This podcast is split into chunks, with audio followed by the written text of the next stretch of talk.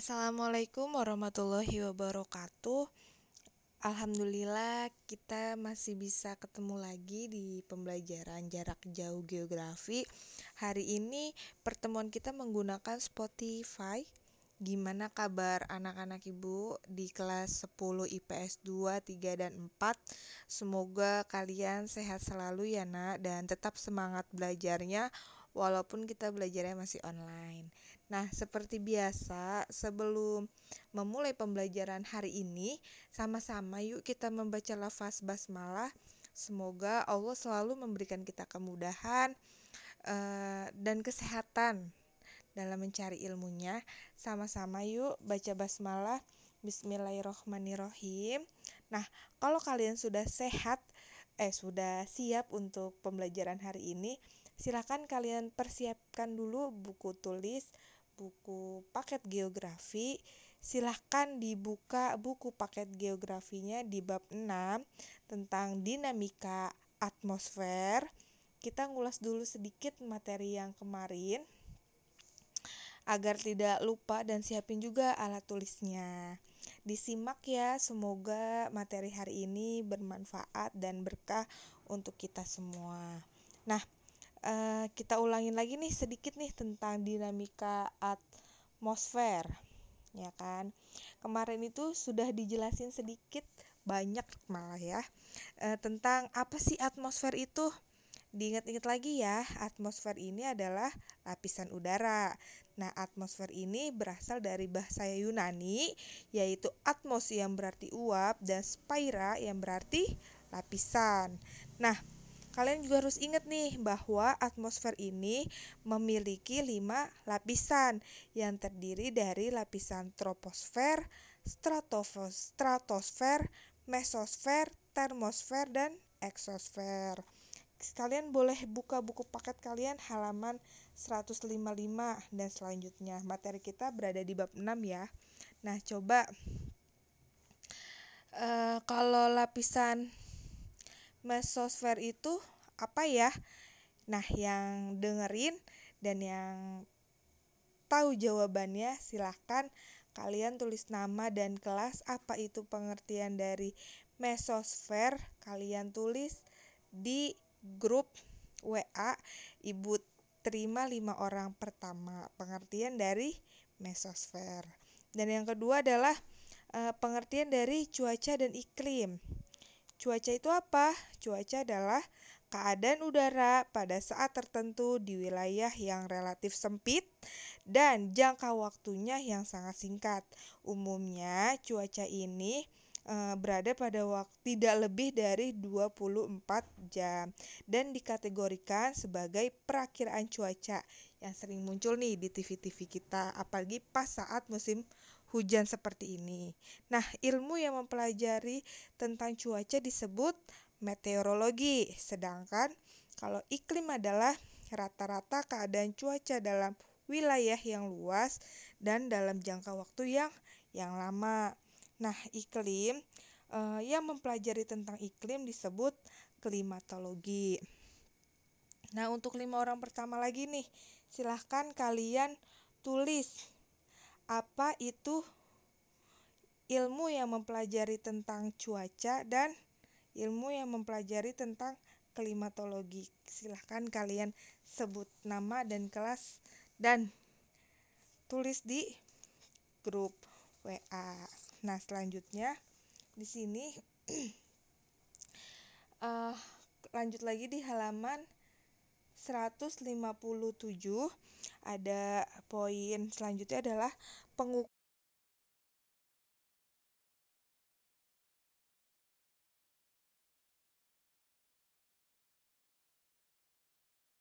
lima poin. Yang pertama adalah suhu udara. Pengukuran unsur-unsur cuaca yang pertama ada suhu udara. Suhu udara adalah uh, keadaan panas atau dinginnya udara. Nih singkatnya nih, kalau suhu udara adalah keadaan panas atau dinginnya udara. Nah, e, suhu udara di setiap wilayah permukaan bumi ini pasti berbeda-beda. Alat yang digunakan untuk mengukur suhu udara adalah termometer. Diingat-ingat nih, alat yang mengukur suhu udara namanya termometer. Nah, e, suhu udara di permukaan bumi yang tertinggi adalah di daerah tropis. Nah, biasanya suhu udara biasanya dinyatakan dalam skala Celcius dan Fahrenheit. Jadi diingat ya, yang pertama adalah suhu pengukuran unsur-unsur cuaca. Yang pertama ada suhu udara. Suhu udara adalah keadaan panas atau dinginnya udara. Alat yang digunakan untuk mengukur suhu udara adalah termometer. Nah, yang kedua, eh maaf selanjutnya nih. Ada yang namanya yang kedua adalah eh, tekanan udara. Tekanan udara adalah berat massa udara di atas suatu wilayah atau tekanan udara menunjukkan tenaga yang bekerja untuk menggerakkan massa udara dalam setiap satuan luas. Nah, tekanan udara semakin rendah jika semakin tinggi dari permukaan laut. Ketinggian wilayah berkaitan dengan tekanan udaranya. Jadi semakin tinggi suatu wilayah, maka semakin rendah tekanan udaranya dan berlaku sebaliknya. Kalian bisa lihat di buku paket kalian di halaman 160 dan e, alat untuk mengukur tekanan udara namanya barometer atau e, barometer air raksa. Nah, uh, yang dimaksud dengan isobar, isobar ini adalah garis yang menghubungkan tempat-tempat yang mempunyai tekanan udara yang sama pada saat yang sama pula. Jadi kalau isobar ini eh, garis yang menghubungkan tempat-tempat yang mempunyai tekanan udara yang sama pada saat yang sama pula. Jadi sebaran tekanan udara di suatu daerah dapat digambarkan dalam peta yang ditunjukkan oleh isobar. Nah, isobar ini garis yang menghubungkan tempat-tempat yang mempunyai tekanan udara yang sama pada saat yang sama pula. Itu namanya isobar. Yang ketiga ada yang namanya angin. Nah, kalian bisa lihat di halaman 163 Angin adalah udara yang bergerak karena adanya perbedaan tekanan udara antara satu tempat dengan tempat yang lain. Nah, e, di permukaan bumi, daerah yang mempunyai tekanan udara rendah adalah di daerah Katulistiwa karena selalu mendapat sinar matahari. Nah, adapun di daerah kutub utara dan kutub selatan, tekanan udaranya lebih tinggi. Oleh karena itu, aliran udara bergerak dari daerah kutub menuju daerah katulistiwa. Hubungan antara tekanan udara dan arah angin dinyatakan dalam hukum Bius-Ballot bahwa udara mengalir dari daerah bertekanan maksimum ke daerah bertekanan minimum. Nah, arah angin akan membelok ke ke kanan di belahan bumi utara dan membelok ke kiri belahan bumi selatan. Nah, kalian lihat deh gambar 6.7 bahwa angin adalah udara yang bergerak karena adanya perbedaan tekanan di di atmosfer. Nah, alat yang mengukur kecepatan angin itu apa? Kalau ada yang tahu, alat untuk mengukur kecepatan angin silahkan kalian tulis di eh, grup WA sebut nama dan kelas. Nanti akan dapat poin dari ibu. Nah, angin ini Angin ini dapat digolongkan ke dalam dua kelompok besar, yaitu ada angin musim dan angin lokal. Angin musim yaitu angin yang bersifat musiman. Nah, angin musim ini dibedakan atas ada angin pasat dan angin musim. Yang kedua ada yang namanya angin lokal angin lokal ini uh, Nah, jenis-jenis angin, angin memiliki jenis-jenisnya nih. Ada angin barat, angin kutub, angin pasat, angin siklon, angin anti siklon, angin musim, angin darat dan angin laut. Dan juga ada yang namanya angin angin muson. Kalian bisa lihat di buku paket kalian di halaman 166 sampai halaman 167. Dan yang keempat adalah kelembapan udara. Kelembapan udara yaitu berkaitan dengan kandungan air dalam udara. Jadi, semakin banyak kandungan air di udara, maka udara tersebut semakin lembab. Nah, semakin banyak matahari yang menyinari, maka penguapan akan semakin tinggi, sehingga kelembapan juga semakin tinggi. Nah, kelembapan udara ini dibedakan menjadi dua jenis. Yang pertama, ada yang namanya kelembapan relatif. Kelembapan relatif itu yaitu perbandingan jumlah air dalam udara dengan jumlah uap air maksimum dalam udara dalam suhu yang sama dan dinyatakan dalam dalam persen. Kalau kelembapan e, rel absolut yaitu banyaknya uap air yang terdapat pada udara di suatu tempat. Nah, kelembapan absolut dinyatakan dengan banyaknya gram uap air dalam 1 meter kubik udara. Nah, di kelembapan mutlak sama dengan seperti kelembapan absolut. Jadi jangan bingung ya. Nah, selanjutnya yang kelima adalah perawanan. Awan. Awan adalah kumpulan titik-titik air atau kristal es di dalam udara yang terjadi karena adanya kondensasi dari uap air yang terdapat dalam udara. Nah, terbentuknya awan dikarenakan kelembapan udara yang mengalami pendinginan sehingga membeku atau mencapai titik embun. Nah, proses pendinginan terjadi karena kelembapan udara terdorong ke atas sampai atmosfer. Nah, awan dapat dikelompokkan ke dalam beberapa jenis tergantung pada bentuk dan ketinggiannya. Nah, awan pada dasarnya ini memiliki karakteristik sendirinya. Nah, kalian bisa lihat di buku paket kalian halaman 169.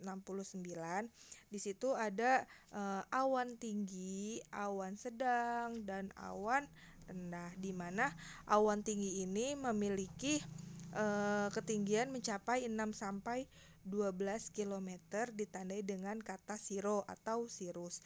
Jadi kalau awan tinggi e, berciri-cirikan dengan kata siro atau sirus. Misalnya yang poin A ada e, sirus, yang B ada sirocumulus, yang C ada stratus. Kalau awan sedang ketinggiannya mencapai 2 sampai 6 km ditandai dengan kata alto.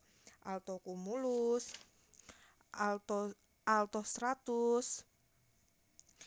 Kalau yang awan rendah ketinggiannya mencapai 0,8 sampai 2 km ditandai dengan kata strato. Ada stratocumulus, stratus, nimbus stratus. Nah, kalau awan dengan perkembangan vertikal kurang lebih 2 km yaitu ada cumulus, cumulonimbus Nah, jadi diingat-ingat ya. Jadi awan ini uh, memiliki beberapa jenis. Ada berapa jenis? Ada empat jenis. Yang pertama ada awan tinggi. Kalau awan tinggi berarti e, perkiraannya adalah 6 sampai 12 km dengan kata siro atau sirus. Kalau awan sedang yaitu mencapai 2 sampai 6 km ditandai dengan kata alto, alto cumulus dan alto stratus.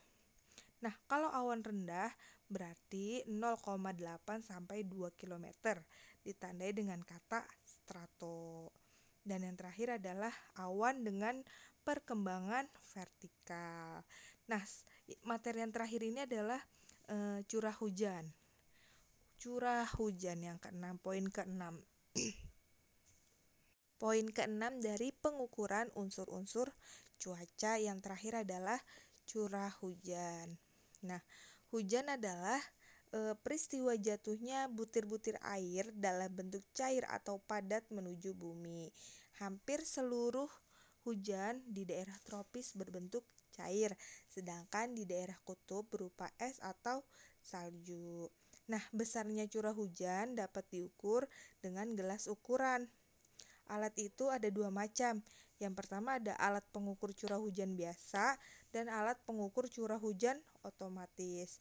Tujuannya, pengukuran curah hujan adalah untuk mengetahui jumlah dan intensitas, curah hujan yang turun di permukaan yang datar tanpa memperhatikan adanya air yang meresap, mengalir, dan menguap. Satuan yang digunakan untuk laju curah hujan dalam jangka waktu tertentu misalnya milimeter per jam.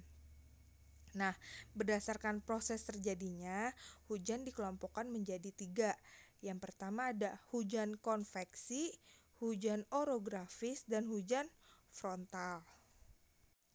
Kalau hujan konveksi ini terjadi karena adanya pemanasan radiasi matahari sehingga udara permukaan akan memuai dan naik secara vertikal. Nah, kalau e, hujan konveksi ini disebut juga sebagai hujan hujan tropik atau hujan zenital karena terjadi di daerah ekuator. Nah, saat matahari berada di titik zenit.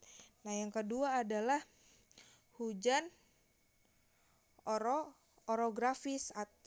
Hujan orografis ini adalah hujan yang terjadi karena udara yang mengandung uap air naik ke daerah pegunungan. Makin ke atas suhu udara makin dingin sehingga terjadilah proses kondensasi dan kemudian terjadi hujan di lereng pegunungan. Nah, yang terakhir ada namanya hujan frontal, yaitu hujan yang terjadi karena pertemuan massa udara panas dan massa udara dingin. Nah, ini adalah materi kita untuk hari ini eh, terkait pengukuran unsur-unsur cuaca atau unsur-unsur cuaca dan iklim yang meliputi suhu udara, tekanan udara, angin, kelembapan udara, perawanan, dan curah hujan. Silakan pertanyaan yang tadi Ibu lontarkan terdapat tiga pertanyaan yang tahu setelah mendengarkan uh, pelajaran hari ini silahkan langsung diisi uh, satu aja satu orang satu nah cukup sekian materi dari ibu. Untuk tugasnya nanti ibu infokan lebih lanjut di grup WA eh, kurang lebihnya ibu mohon maaf. Terus belajar dan berdoa. Tetap semangat belajarnya. Assalamualaikum warahmatullahi wabarakatuh